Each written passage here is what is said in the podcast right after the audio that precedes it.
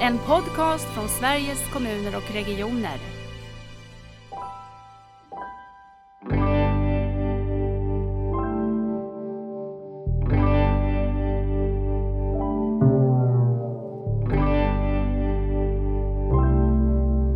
är vi överens om var vi befinner oss någonstans. Men mm. också överens om vilken riktning det är vi är på väg till så att mm. man inte lever i, i två parallella system.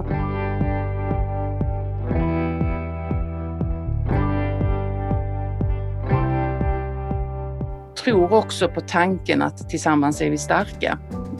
Mm. Och att om vi arbetar tillsammans så kan vi påverka så mycket mer.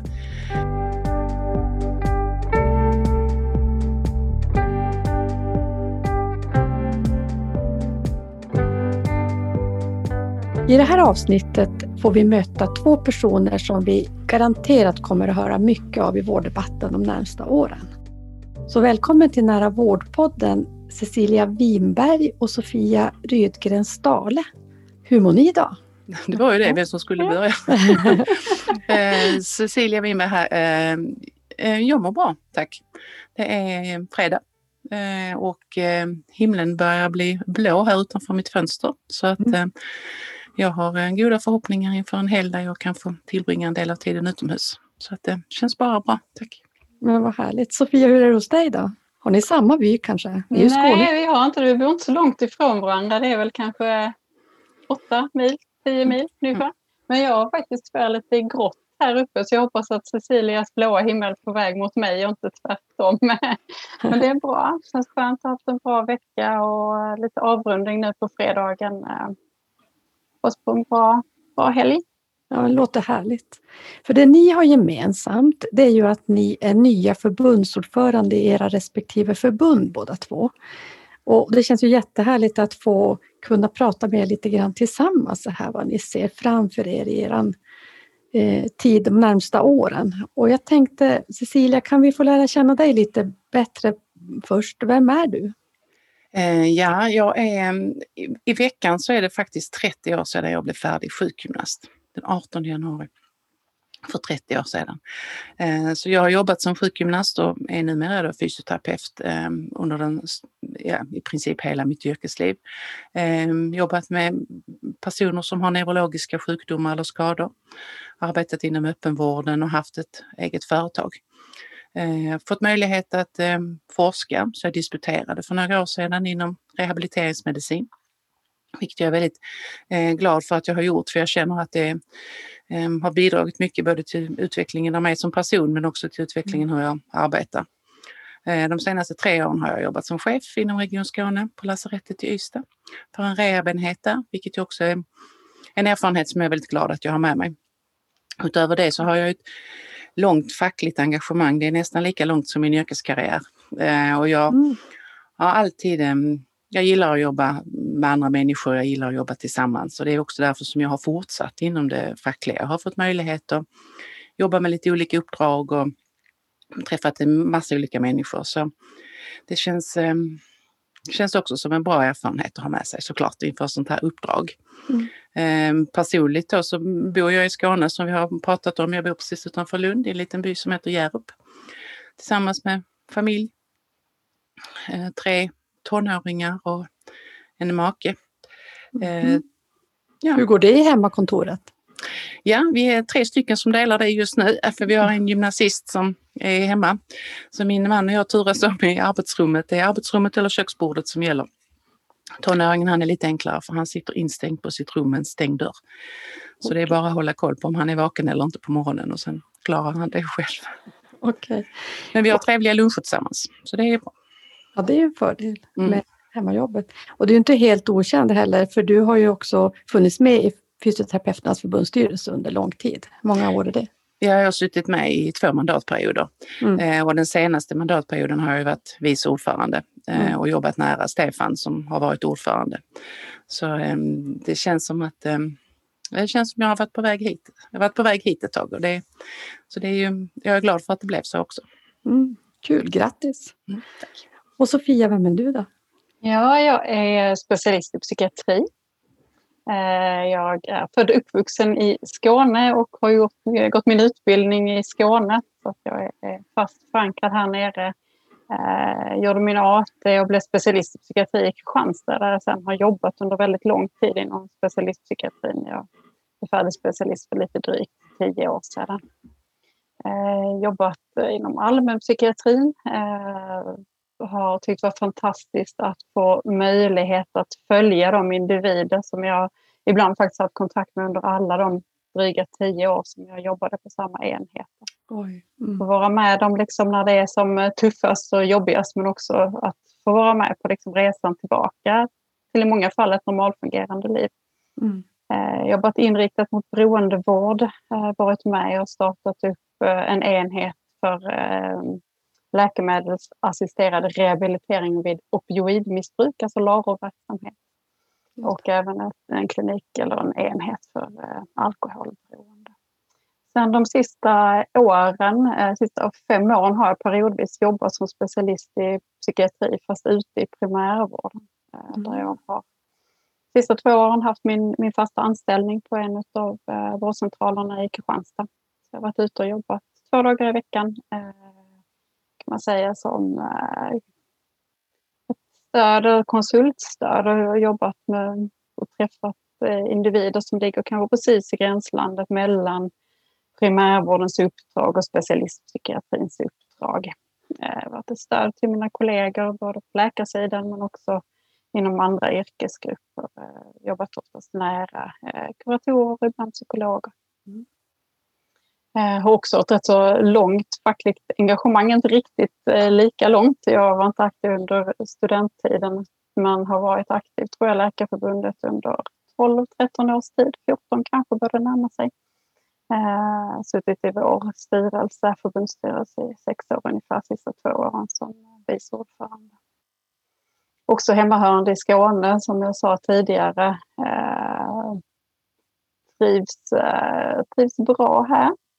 Tycker mm. mycket om att vara ute i naturen, baka och läsa böcker. Ska det då, då får du vara ännu mer i Stockholm eller? Eller kommer du att göra det på distans? Även efter? Jag kommer, vara, jag kommer att veckopendla. Mm. Att, eh, och veckorna kommer att vara olika långa i Stockholm. Så att säga. Vissa perioder behöver man vara uppe och få plats mer och i andra perioder så kan man sköta mer på distans. Vi börjar bli bättre på det just nu. Att, att, eh, att äh, träffas och mötas på distans. Men vissa saker är lättare att lösa när man träffas. Hur hämtar du kraft då? Jag hämtar eh, väldigt mycket kraft i eh, löpspåret. Eh, helst ute i naturen med ingenting i öronen utan bara liksom lyssna på vad som händer runt omkring och låta tankarna flöda fritt.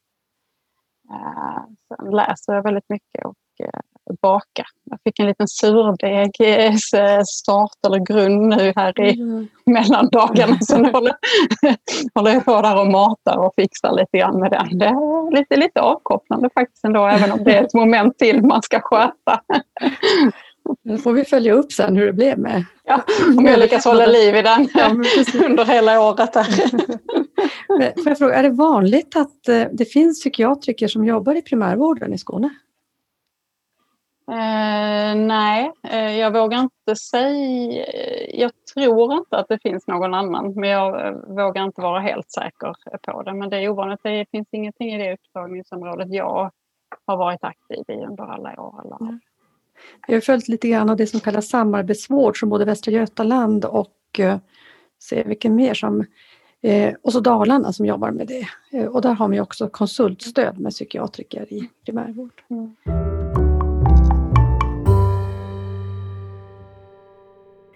Tänkte hur, hur känns det nu att vara ny ordförande om du börjar Sofia? Jag kan fortfarande, liksom, nu är det inte så många månader tillbaka utan det var ju, jag och Cecilia valdes ungefär samtidigt, Cecilia veckan innan mig. Eh, när man går tillbaka så, så är det ju en sån fantastisk känsla att landa tillbaka till. Man, jag blev så ofantligt glad och stolt och det, det, det blev liksom nästan lite lätt euforisk känsla att få möjlighet att och få det förtroendet att man får representera sin yrkesgrupp, sin profession. Ehm, sen, eh, sen är det mycket arbete. Eh, det är mycket att sätta sig in i, mycket att eh, bygga vidare på, mycket att vidareutveckla. Men jag tycker om, jag, jag trivs med att jobba mycket. Det har jag alltid gjort. Så att, nej, det är en väldigt, väldigt positiv känsla. Mm. Och grattis till dig också. Mm. Cecilia, hur känns det för dig då att vara ny ordförande? Eh, ja, till stor del delar jag de känslorna som Sofia berättar om. Jag minns också väldigt tydligt kongressen när jag blev vald att eh, även om det har varit eh, man, det har varit, jag har varit på väg och det har liksom, man har varit nominerad och så, men sen när man väl får bekräftelsen att eh, ja, nu, nu blev du vald, så är det liksom en, eh, jag blir väldigt rörd mm. eh, och känner mig också väldigt eh, ödmjuk inför uppdraget. Det är ett stort förtroende att få ifrån eh, sina medlemmar och ett förtroende som jag hoppas kunna förvalta väl.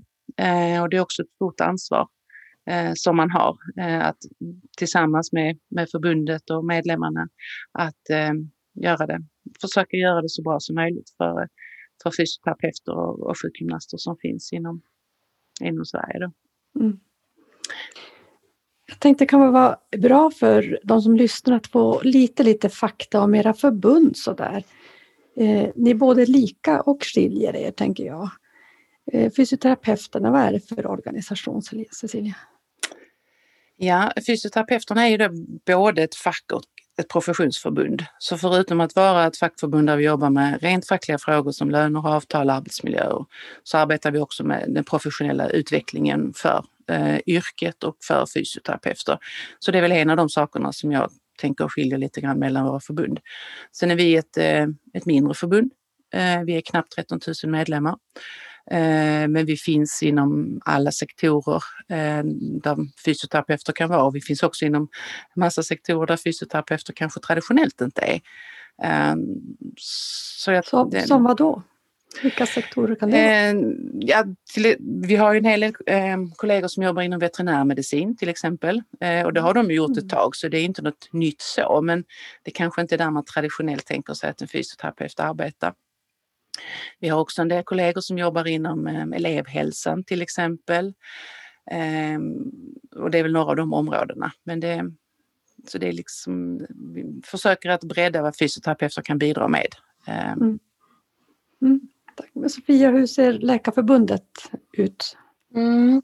Vi, vi, är ju eh, också en professionsorganisation och ett, eh, en facklig sammanslutning så att säga. Så vi har båda de här benen där man jobbar eh, både då med liksom, klassiskt fackliga frågor men också väldigt mycket professionsfrågor som utbildning och fortbildning och forskning. Mm. Eh, har eh, en struktur med väldigt många delföreningar. Vi är lite mm. drygt 100 delföreningar. Dels har vi våra stora yrkesföreningar då, där man är medlem om till exempel sjukhusläkare, distriktsläkare eller eh, yngre läkare så att säga under utbildningen fram till till fördelsspecialist. Men vi har också då en, en struktur där vi finns över alla, alla våra regioner i våra lokalföreningar. Sen har vi våra specialitetsföreningar där vi har lite, lite drygt 50-60 specialitetsföreningar under, under oss. Eh, så att vi eh, organiserar ju lite drygt eh, 55 200 medlemmar nu Vi har haft en rätt så stor och stark tillväxt de senaste åren. Ehm, och har ju vår kan man säga, vision om att vara för alla läkare under hela karriären där vi försöker finnas och, och vara synliga i alla de sektorer och branscher man kan, kan arbeta inom. För det är precis som Cecilia nämner, man, det är lätt att tänka hälso och sjukvård men man finns ju i väldigt många andra delar också på, på myndigheter eller i andra organisationer, i näringsliv och så vidare. Mm. Och ni är ju också förbund under SACO-paraplyet. Ja. Och det, det förenar dig ju också. Mm. Men, men, varför är vårdens utveckling en facklig fråga då? Kan, eller är den det? Nu får någon ja, det tänker, tänker, jag, det tänker jag att den är. Det, det är ju liksom, vi landar väldigt ofta tillbaka. Vad är vår portalparagraf? Vad är det som är eh, eh, vårt uppdrag. Och, och då, då har vi också skrivningar liksom om, om själva hälso och sjukvårdens eh, utveckling. Hur kan man bidra till ett, eh, ett hållbart samhälle, en hållbar hälso och sjukvård till exempel. Och så. så man sitter ju med väldigt mycket kunskap och erfarenhet eh, med den strukturen man har med, många medlemmar, en organisationsgrad. Eh, där jag känner att det är viktigt att vi också är med och, och bidrar med det. Bidrar till utvecklingen. Att vi hela tiden liksom flyttar framåt så att det, att det sker en utveckling i positiv riktning. Mm. Vad tänker du Cecilia? Eh, jag tycker det är, är självklart att eh, det som händer inom eh, hälso och sjukvård, utveckling, förändring, förbättring, det påverkar våra medlemmar i, i väldigt stor utsträckning. Mm. Och om inte vi då skulle vara aktörer eller delaktiga i det så skulle det kännas väldigt konstigt. Så jag tycker det är helt självklart att vi har en, en roll där, att dels kunna driva utveckling och också att kunna vara ett stöd eh, för medlemmar genom att informera och utbilda men att vara den här liksom fasta handen att hålla i när det, när det förändras. Mm. Eh, och ibland förändras det ju fort. Mm. Eh, och då behöver man, kan man behöva ett fackligt stöd i det arbetet. Så självklart är vi en mm. del i det arbetet, en viktig del i det arbetet. Mm. Jag delar ju helt er, bild så, för jag tänker att vården är ju medarbetarna. Mm. Det är ju de människor som finns där så att mm. det är också självklart. Men jag vet att man ibland behöver formulera det där. Jag har ju mm. också en facklig bakgrund. Vill du säga någonting Sofia? Du var på gång. Jag tänker ibland är det lätt att tänka, man vill lägga saker och ting i, i fack, liksom, men de hänger ju ihop. Liksom. Det är precis som du, du nämnde sen Lisbeth, liksom, att, äh, att hur, hur utvecklingen sker eller hur hälso och sjukvården är organiserad, det påverkar ju medarbetarnas arbetsmiljö och vilka och det är också medarbetarna som utgör hälso och sjukvården så att det är inte så att det så, kan inte boxa in saker riktigt så Nej. lätt Nej, att säga det. Man kan lägga det i det ena facket eller i det andra. Nej. Nej, precis. Det är väl häftigt när man verkligen kopplar ihop det, precis som du säger. Och då blir ju också villkoren och professionsfrågorna mm. och vårdfrågorna också någonting som är tajt ihop. Mm. I Nära vårdpodden så brukar vi alltid fråga det här, vad är nära för dig? Och den kommer oftast sist i podden, men nu tänkte jag fråga den redan nu. Sofia, vad är nära för dig? Ja, eh, jag tänker egentligen nära i rätt så många olika dimensioner. Jag tänker liksom nära som en kan man säga, geografisk komponent kanske. Mm, tillgänglighet, jämlikhet, att det finns och koppla på liksom behovet av eh, vad har man som individ för behov så att, säga, att det finns nära, att man kan få hjälp med det. Att det ska vara lätt att komma i kontakt. Eh, en, en del av när, nära så att säga, men jag tänker också närhet på något sätt. Mm. Tillit, förtroende, lära känna. Eh, där jag tänker att kontinuiteten är, är jätteviktig för att det ska kunna, den närheten ska kunna utvecklas.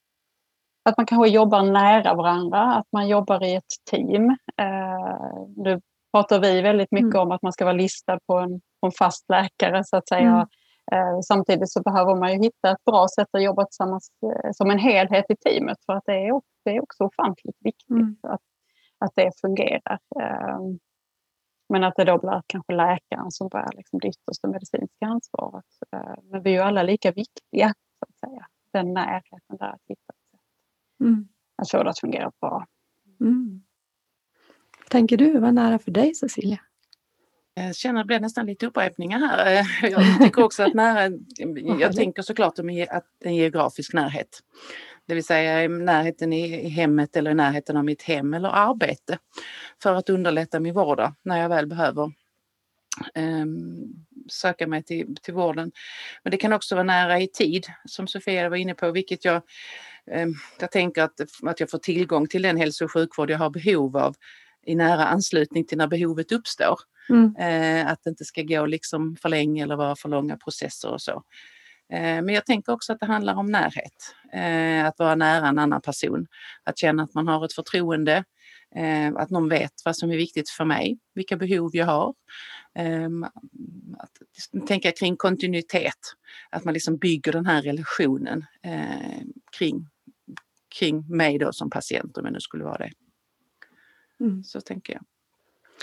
Jag tycker, när jag lyssnar på er så tänker jag att ni beskriver också mycket av det som är grundkärnorna i den här omställningen till nära vård. Det relationella, det, det nära. Jag tänker det du säger Cecilia också att mycket mer görs av vården kommer att göras någon annanstans än det vi traditionellt tänker är hälso och sjukvårdens borg på något sätt, sjukhuset eller vårdcentralen, lokalen, utan vi kommer att röra oss till något annat kontext där vi också finns i hemmen eller kanske som du säger där människor arbetar eller eh, också sådana här möten digitala. Det kommer ju vara nya sätt att leverera tjänsterna på.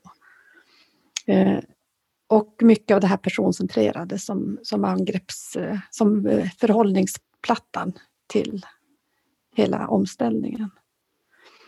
Eh, vad säger era medlemmar när ni pratar om eller när det pratas om omställningen till en nära vård? Eh, vad har ni för reflektioner från medlemmarna och vad betyder omställningen för era medlemmar? Vad, vad, vad säger fysioterapeuten eller vad ser, var ser du fysioterapeuten i den nära vården? Mm. Eh, lite olika frågor. Eh, mm, ta eh, båda eller fler. Ja, jag börjar så får vi se var jag hamnar någonstans. Ja. Eh, nej, omställningen är, har ju varit en, en, en, del av det vi har arbetat med i fysioterapeuterna under flera år.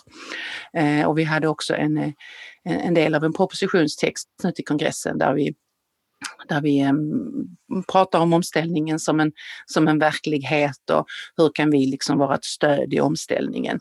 Så det är det, det, är en del av vår politik och det är en del av det vi arbetar med. Mm. Däremot så tror jag att för eh, många medlemmar är det nog fortfarande ganska abstrakt.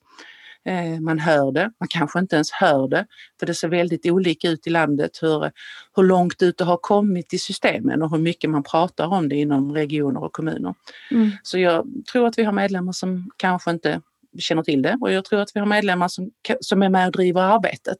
Så det finns liksom eh, olika kunskapsnivåer här. Eh, och där tänker jag att vi har ett ansvar att, att mm, hjälpa till med undervisning, att hjälpa till att konkretisera det, att hitta exempel eh, och att stötta då medlemmar i arbetet eh, mm. för omställningen.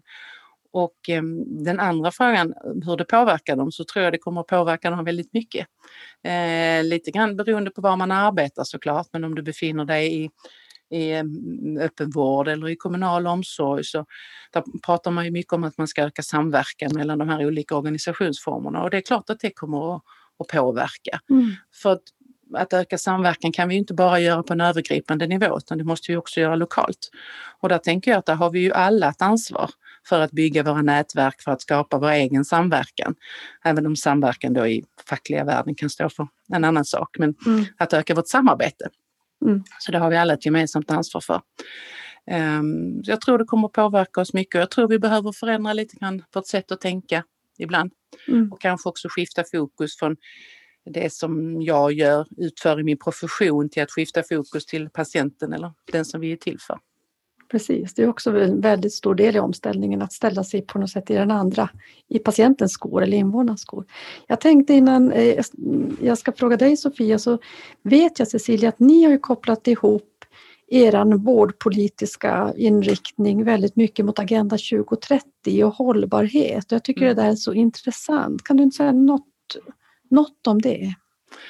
Jo, mm, förutom omställning då så hade vi en hel, en, en hel del diskussion kring Agenda 2030 eh, inför vår kongress och under kongressen och har ett beslut med oss från kongressen att Agenda 2030 och de målen som finns där ska genomsyra all vår verksamhet. Eh, och det som också eh, kom som ett tillägg vid kongressen är barnkonventionen.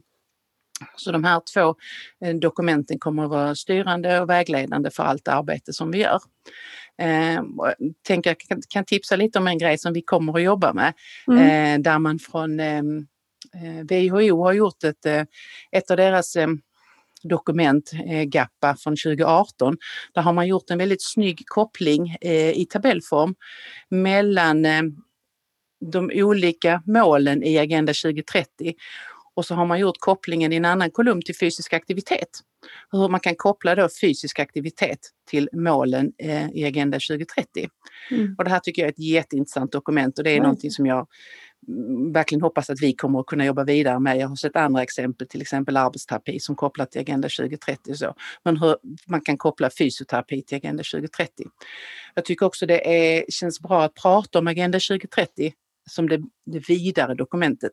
Mm. Hållbarhet är viktigt och hållbarhet, aspekter av hållbarhet är ju delar av Agenda 2030. Mm. Eh, så att, mm, jag ser mycket framåt att få börja det arbetet. Vi har också inrättat ett, ett råd som kommer specifikt att jobba med de här frågorna. Det har vi inte haft tidigare. Eh, så det känns, eh, känns som en nystart och en nytändning mm. för oss att vara aktuella i det här området som är, är aktuellt och kommer att vara aktuellt för, för liksom så pass långt fram så jag kan inte se hur långt fram det kommer att vara aktuellt. Men...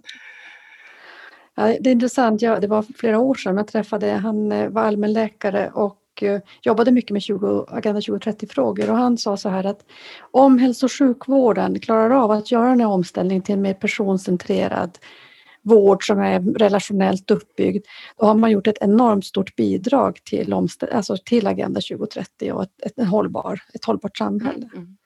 Mycket av det som är fysioterapi och det som fysioterapeuter gör är ju liksom väldigt lätt att koppla till Agenda 2030. Eh, mm. Många av de sakerna som vi mm. vill är lätt att koppla till Agenda 2030. Mm. Så att, att få arbeta med den kopplingen och tydliggöra den eh, kommer att bli ett spännande arbete. Tack Cecilia. Nu ska vi tänka, nu fick Cecilia två frågor, nu kommer jag knappt ihåg hur de var, men vad betyder omställningen för era medlemmar Sofia? Och eh, vad sker det dem och hur, vad säger medlemmarna kring eh, samtalen om nära vård? Och, ni har ju varit nära också mm. utredningarna mm. som pågår inom området. Och så. Mm. Vi har jobbat med frågan rätt så länge i Läkarförbundet också och eh, tittade tillbaka lite grann bland våra dokument och, och, vi har ställt om arbetet en del på kansliet de sista åren och, och från 2015 och framåt så har vi jobbat mer med liksom en strategi och påverkansplan och så. Och mm. redan mm. där lyfte vi fram en nationell primärvårdsreform mm. eh, som en av våra prioriter högst prioriterade frågor. Så att, eh, vi har ju varit inne i frågan och jobbat eh, med den länge, men det är precis som Cecilia lite grann var inne på, beroende på var man finns någonstans. Det är lätt när man jobbar kanske på nat nationell nivå fackligt att tänka att nämner jag Anna Nergårds namn så vet alla liksom exakt vad det är som pågår, alla utredningar och var de är på väg. Men, men det är inte säkert att man gör det beroende på om man... Det är för att jag rör mig i den miljön hela tiden på något sätt mm. som gör att man så att man är ju på olika platser i den här omställningen, tänker jag, man har olika tankar kring den. Eh, kanske både farhågor men också ser väldigt positivt eh, på den. Eh, och jag brukar försöka tänka kring det mer kanske som en pågående process där det är lätt att hamna i att man vill skapa ett perfekt system från första början. Mm. Och så vet man om att det egentligen inte riktigt går utan man får se det lite grann som en, kan man säga, en iterativ process där, där hälso och sjukvården har ju alltid varit i förändring också. Det ser ju inte ut idag som det gjorde för 15 år sedan eller för 30 år sedan. Det kommer inte se ut som idag om fem år eller om 10 år eller om 15 år heller. Eh, utan tänker att man ändå får ha det här, vart, vart är det på, var finns behoven och vart är vi på väg? Mm. Vi ser ju till exempel, nu kan jag ju hålla sig ut för läkare bäst, vi vet om att till exempel specialister i allmänmedicin i Sverige är ju procentuellt mycket färre än vad det är i de allra flesta andra länder. Vi ligger bland de fem lägsta tror jag i hela OECD-området. Uh, hur kan vi få en omställning? Mm. Hur får vi fler specialister? Vilka områden behöver vi jobba mm. på? Vilket bidrag kan, kan andra specialister ha i detta sammanhanget?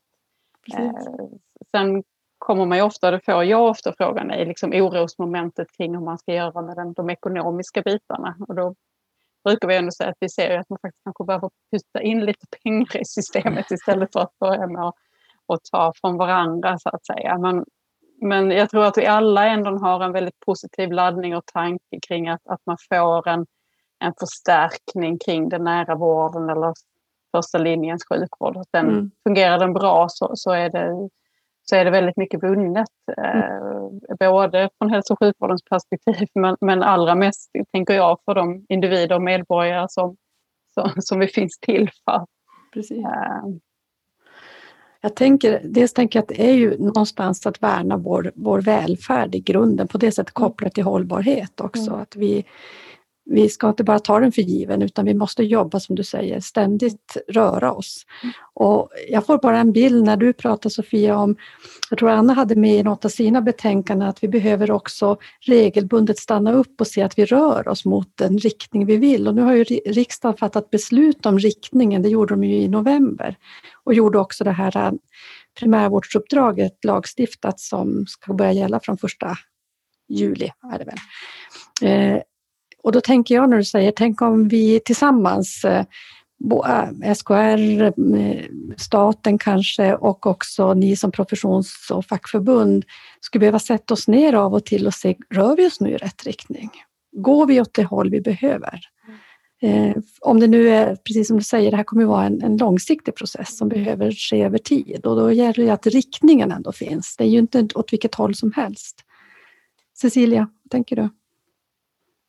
Tycker jag låter som en väldigt bra idé.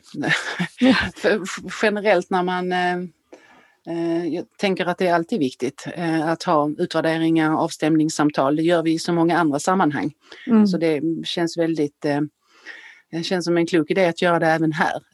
För att, ja, precis som du säger, är vi, på, är vi på rätt väg? Och ibland är det framåt men ibland är det faktiskt åt sidan man ska mm. gå också. Mm. Så att man liksom följer upp det mm. Ehm, på ett långsiktigt sätt tycker jag låter klokt. Och att då involvera professionerna och de som finns inom hälso och sjukvården låter väl också klokt. Mm. För vi är ju gärna del i, dem, i det arbetet och de processerna. Mm. Vi brottas ju mycket med att hitta de perfekta indikatorerna för att mäta, men jag tänker det handlar ju både om vad vi mäter, men det handlar ju också om hur vi följer upp och, och dialogen tycker jag passar ju också i det här mer tillitsbaserade sättet att tänka att vi ska utveckla gemensamt och då måste vi också mötas gemensamt för att för att följa eh, och reflektera kring vad vi ser från olika håll.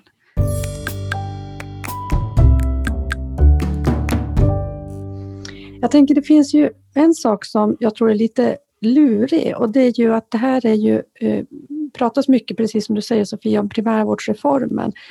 Eh, och samtidigt kommer den ju också att eh, involvera hela hälso och sjukvårdssystemet. Det är en förändring av hela systemet. Hur får vi med oss också de som finns på andra delar i systemet som jobbar i akutsjukvård som kanske inte riktigt tänker att det här handlar om oss. Har ni några reflektioner på det? Har ni, möter ni det? Eller? tänker Sofia, ni har ju specialistföreningar. Tror du att man pratar om det här i, i också de föreningar som kanske inte direkt, inte i distriktsläkarföreningen tänker jag på, utan de andra? Mm. Psykiatriker, pratar ni om det? Ja, jag uppfattar att det samtalet faktiskt finns inom en rätt så stor, eh, liksom, eller stor bredd inom vår yrkeskår eller vår profession. Att man, man ser, och många, många ser ju de här enorma vinsterna med att ha en, en bra och stabil bas på något sätt eh, med, med primärvården. Eh, där kontinuiteten finns, den fasta läkaren finns jag vet ju själv nu när jag både när jag jobbar som specialist i psykiatri inom specialistpsykiatrin men också hur det har varit när jag varit ute och jobbat på vårdcentral. Eh, hur, hur, eh, hur viktigt det är att få den relationen att fungera. Till exempel att veta vilken kollega ska jag ringa till om jag behöver diskutera brytpunkter eller ja, vad ska jag göra här? Mm. Hur, eh, att, att, man, att man har... Eh, jag tror att man ser liksom hur viktigt det är. Så jag upplever att vi har en rätt så liksom bred förankring då i, hela, i hela vår medlemsgrupp. Um, och nu, nu tappar jag bort eh, grundfrågan tror jag när jag börjar sitta och Just om det, här är, om, det, om det är en primärvårdsfråga enbart ja. eller om det finns ett engagemang ja. också. För det handlar ju, nära vård för mig handlar ju väldigt mycket om egentligen mellanrummet och bygget i, som du säger, i systemet ja. mellan mm. de olika delarna jag upplever att det liksom finns den, den önskan och den, den viljan.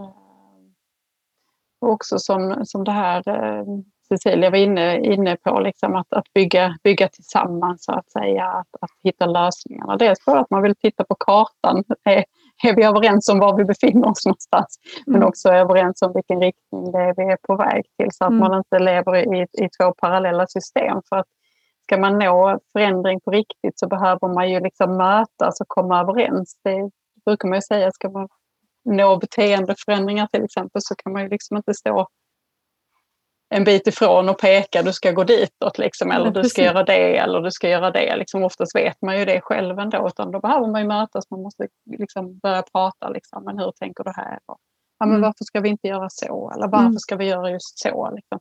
Mm. Ibland så är den förståelsen och processen kring den förståelsen det som ger liksom någon slags beständighet i förändringen eller i liksom, rörelsen, eller vad man ska säga, momentet. Det är det men jag tänker att det är ju viktigt och, och spännande att tänka uppföljning på det sättet. Mm. Och, om uppföljning också driver utveckling och att det är människor som möts i det. Mm. Snarare än att någon pekar med handen och ber fylla i en tabell. Mm. Även om vi kanske måste ha det också. Mm, jag tänker att just när man tänker uppföljning så är det klart man måste följa upp på rätt saker. Det ska vara på rätt detaljeringsnivå. Och ibland kan man behöva växla i olika typer så att det är, man följer upp på båda delarna så att Mm. säga. Mm.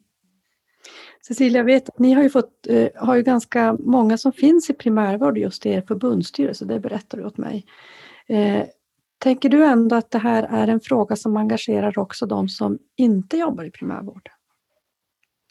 Ehm, Ja, ja, ja, men det tänker jag att det gör. För, för det, det finns ju hela tiden en, en diskussion kring eh, gränsdragning, var patienten ska vara. Ska det vara specialistsjukvård, ska det vara öppenvård? Och mellan, öppen, mellan primärvård och kommun, kommunal omsorg finns det också mycket diskussioner kring detta. Så det här är ju någonting som det berör oss på olika sätt. Eh, så det skulle jag nu säga. Och där, där är det ju viktigt att man har den här ömsesidigheten i diskussionen. Eh, Så det inte bara blir att man har en avsändare som på något sätt ska sätta agendan utan att man också har en motpart som får vara med och påverka agendan. Mm. Eh, Den tror jag blir viktig. Eh, Och jag tänker bara knyta an lite till det som ni pratar om när det gäller utvärdering och uppföljning också. För Mm. som Sofia sa tidigare, om vi nu har ett system som vi börjar arbeta med som inte är färdigt, vilket jag tycker är väldigt bra tänkt, för det finns väl inga färdiga system på något sätt. Men att vi tänker oss att vi provar och så, och så arbetar vi. Och då blir det ju ännu viktigare med utvärderingen. Precis. För att vi Mm. behöver kanske skruva till lite, vi behöver förändra. Och, så- så den kommer att bli väldigt värdefull i det här arbetet. Och att man då försöker se till att det blir breda utvärderingar också, tänker jag. Mm. Ehm, För, för våra medlemmar kommer ju att påverkas väldigt mycket av det här. Mm. Eh, Och det är viktigt att de får vara, får vara delaktiga i det och inte bara liksom ställs inför ett fullbordat faktum att nu är det så här vi ska arbeta. Utan också ha en möjlighet att påverka förändringen och en medvetenhet om att det vi bestämmer nu, det kanske vi ändrar om ett halvår när vi har utvärderat det Mm. och ser att vi behöver arbeta på ett annat sätt. Mm. För jag tänker vi är ju bra på, på de medicinska måtten i Sverige. När vi har jobbat lite grann med att hitta indikatorer för att följa nära vård så ser vi att det finns ju två perspektiv som är svårare att fånga och som är så otroligt viktiga. Det är ju eh, det absolut viktigaste. Patienten och invånarens, eh, vad, vad skapar det här för värde? Skapar det här sättet vi nu förändrade till ett bättre värde? Eller vilket värde är vi ute efter att skapa? Och det är ju också medarbetaruppföljningen. Hur ser vi att det här också gör att jag mår bra på jobbet? För jag tänker ju att nära vård måste vara en stor arbetsmiljöreform. Med hela den utveckling vi har framför oss, demografin som vi alltid pratar om, men också helt andra sätt att leverera tjänster, så kan det ju bli ett otroligt, och ska bli, tänker jag, ett otroligt eh, stort arbetsmiljöprojekt. Det ska vara roligt, det ska vara bra, vi jobbar mer i team, jag har mer eh, möjligheter att känna mig tillfredsställd när jag går från mitt jobb. Och, eh, men då måste vi också stanna till och veta att det blir så och Mm. följa de två parametrarna, patienternas och medarbetarnas också på ett annat sätt. Ett av, ett av målorden är ju delaktighet och jag tänker att delaktighet måste kunna gälla även medarbetarna. Mm. Eh, Så det är ett viktigt, eh, en viktig, det är viktigt det du säger. Mm.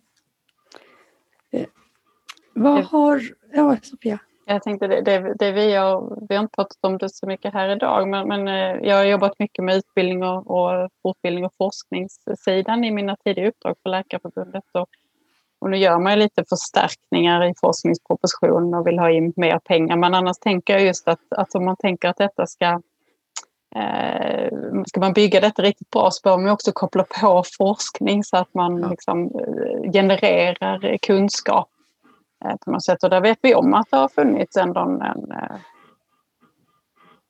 det funnits behovet av att förstärka forskningen i primärvården eh, om jag Mm. uttrycker mig så. Så att det är ändå viktigt att se att man, att man får de resurserna att koppla till. Det tror jag kan, kan bidra till utveckling. Jag tror också det kan eh, bidra till eh, medarbetarnas nöjdhet så att Mm. säga, att få de möjligheterna. Det tror jag är Där finns ju Absolut. stora möjligheter. Mm. Man tänker interprofessionell forskning, Mm. multicenterstudier, det finns mycket man skulle kunna Mm. göra där. Och jag tänker också att det handlar också om status. Att om vi också får mer möjligheter att också bedriva forskning men också att utbildningsmiljöerna hamnar i större del i de här i, i den nära vården så kommer det att spela roll för att man också väljer att jobba där. Mm. Så att det är jätteviktiga frågor, ganska stora frågor. Att Mm. Både forskning och utbildningsfrågor. Mm. Eh, jag skulle vilja innan vi avrundar höra vad, vad tänker ni att era organisationer har för roll i den här omställningen? Sofia, vad tänker du att Läkarförbundet spelar för roll och vill spela för roll? Tänker lite, eller rätt så mycket av det vi har varit inne på. Att vi, har, ju- vi samlar väldigt mycket erfarenhet, väldigt mycket kompetens och kunskap i flera olika områden.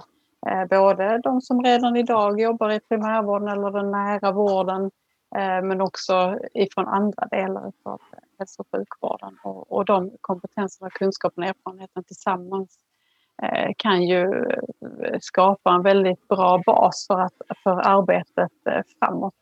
Eh, Vi kan också se ett behov av att förstärka andra delar. Till exempel, vi finns inte så jättemycket i kommunen idag. Inte, Precis. vi finns i kommunen men inte, man, man har kunnat finnas på ett mer övergripande plan precis som det finns en eh, MAS då eller en, en MAR så att säga.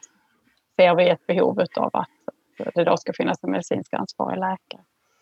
Eh, och det är ju att finnas med som att vara liksom, drivande i utvecklingen, vara ett bollplank, vara med när vi tar ut riktningen, vara med och beskriva kartan så att säga. Mm. Att finnas med liksom, i alla de kan man säga, forum där man tar beslut och där man kan påverka. Eh, Så att omställningen sker på ett bra sätt och att man får, får, eh, får med sig så att du håller liksom lite takt och tempo också i förändringen. Skruva så man ser att det liksom landar mer och mer rätt. Så Mm. vi har mycket vi kan bidra med. Mm. Vad tänker du Cecilia? Jag mm, tänker på ett liknande sätt. Har vi pratat med varandra innan? Eh, Nej, men jag, ser oss mycket som kunskapsspridare och jag ser också att det finns en, en, en, bilateralitet i kunskapsspridningen. Dels att vi som förbund kan arbeta ut eh, gentemot våra medlemmar eh, med, med information och stöd. Men också att vi centralt kan arbeta och bidra med kunskap från våra medlemmar. Hur de upplever det, hur de, vad de eh, tänker kring omställningen och, och vad vi kan bidra med som profession. Eh, så, så det tycker jag känns som en, en viktig roll för oss. Och att också eh, i alla sammanhang alltid när vi får möjlighet att liksom bidra med vad kan fysioterapeuter göra, vad är fysioterapeuters roll inom primärvården men också inom äldreomsorgen där vi ser att även om vi finns inom eh, den kommunala hälso och sjukvården så är det ju, är det ju resursbrister. Eh, så att liksom att, att sprida kunskap, att informera eh, och att arbeta medvetet och aktivt med de här frågorna för att det ska komma vidare och för att det ska bli så bra som möjligt. Mm. Tänker jag. Har ni ett ansvar, har ni ett ansvar hur, att omställningen lyckas? Cecilia? Ehm, Ja, det är klart att vi har. Jag tänker jag att vi har alla, vi har ju alla ett ansvar. För vi är ju, ehm, vi är ju, om man, om man nu, vi är ju aktörer i detta precis som så många andra. Så, som vi, om vi kan bidra med stöd och, och kunskap, både inifrån oss och utifrån så att säga, Mm. så, så blir det ju, eh, tror jag att det blir bättre. För det är vi som känner vår profession och vad vi kan göra allra bäst. Mm. Eh, och vi har också ett, ett ansvar att vilja förändring. Eh, vi har varit inne tidigare och pratat lite om resurser och ändliga resurser. Vi har pratat om att vi har en åldrande population och så. Och det är vi ju alla med i. Mm. Oavsett fackförbund eller inte. För det är ju ett gemensamt ansvar som vi har Mm. som medborgare. Och sen är det såklart att vi som fackförbund kanske har ett tydligare ansvar i detta då eller ett tydligare uppdrag i detta. Men eh, självklart så har vi, tycker jag att vi alla har ett Mm. ansvar. Vill du reflektera på det också Sofia? Mm. Jag är väldigt mycket inne på samma linje som, som Cecilia. Det är ju det att vill man vara med och påverka, vilket de allra flesta som har engagerat sig till exempel i, för min del då Läkarförbundet, då, då har man ju oftast ett driv. Man vill vara med att påverka, man vill förändra, man vill att det ska bli bättre. Eh, och eh, då hamnar man ju också i att ta ansvar. Och det tror jag många av oss och våra medlemmar är vana vid att göra. Så att, eh, så att eh, mm. det tror jag vi alla känner oss hemma i, att man, man, man tar, tar, ansvar. Mm. Mm. Eh, och det känns ju som att, att eh, ni har väldigt lika tankar också kring eh, det här och hur vi behöver gå framåt. Eh, är det samma saker som driver er, som engagerar er? Eh, Sofia, vad, vad driver och engagerar dig? Jag tror att jag alltid har varit engagerad. Jag tror att det är liksom lite av ett personlighetsdrag också. Kanske kopplat till liksom andra liksom uppväxtfaktorer. Så jag är van vid att man är engagerad. Jag har varit det sedan jag var, var barn. Liksom jag var barngymnastikledare när jag fortfarande var i tidiga tonåren. Så jag tycker om att vara med och engagera, och engagera sig. Liksom. Jag tycker om att påverka. Jag tycker om liksom, jag tycker det liksom, när man hittar lösningar att se till att det blir bättre. Liksom, och den här Sen jag älskar jag att vara en del av en helhet. Liksom. Jag är rätt så mycket lagspelare i, i grund och botten. Liksom. Den här starka känslan av att man tillsammans får flytta berg. Liksom. Ibland puttar man dem bara lite, lite, pyttelite framåt men ändå den här rörelsen och känslan av att kunna vara med och bidra. Mm. Hur är det med dig då Sofia? Sofia, Cecilia. Ja, det finns, finns många anledningar. Eh, jag har också med mig som, som barnsben en, eh, en tanke om eh, en idealitet och en, solidaritet som har varit väldigt, väldigt tydlig i min familj och varit tydlig i mitt engagemang. Eh, jag har varit en del av scoutrörelsen sedan jag var åtta år och jobbat mycket med, med gruppen där, patrullen och jobbat mycket med ledarskap och mm, personlig utveckling. Och tror också på tanken att tillsammans är vi starka. Mm. Eh, och att om vi arbetar tillsammans så kan vi påverka så mycket mer. Eh, så, så, det är liksom det är, alltid, det är en svår fråga att svara på på något sätt. För det är mm. lite som Sofia också säger, det, har varit, det är någonting som man har i märgen och som alltid har varit med den. Jag kan inte säga att jag inte skulle engagera mig. Eh, skulle det inte vara här så skulle det vara någon annanstans, i någon annan rörelse. Mm. Eh, men att ha kunskap, att få information, att kunna påverka och att arbeta tillsammans med andra. Eh, och gärna då med ett högre syfte, som i detta fallet att se till att medlemmarna får de bästa förutsättningarna som finns för, för det arbete som de utför. Så är det liksom lite extra krydda på det hela. Mm. Så jag kan inte säga att jag inte skulle engagera mig. Det finns liksom inte i min, min världsbild. Hörrni, Tack för att jag fick vara tillsammans med er under den här timmen. Tack så mycket. Tack. Okay.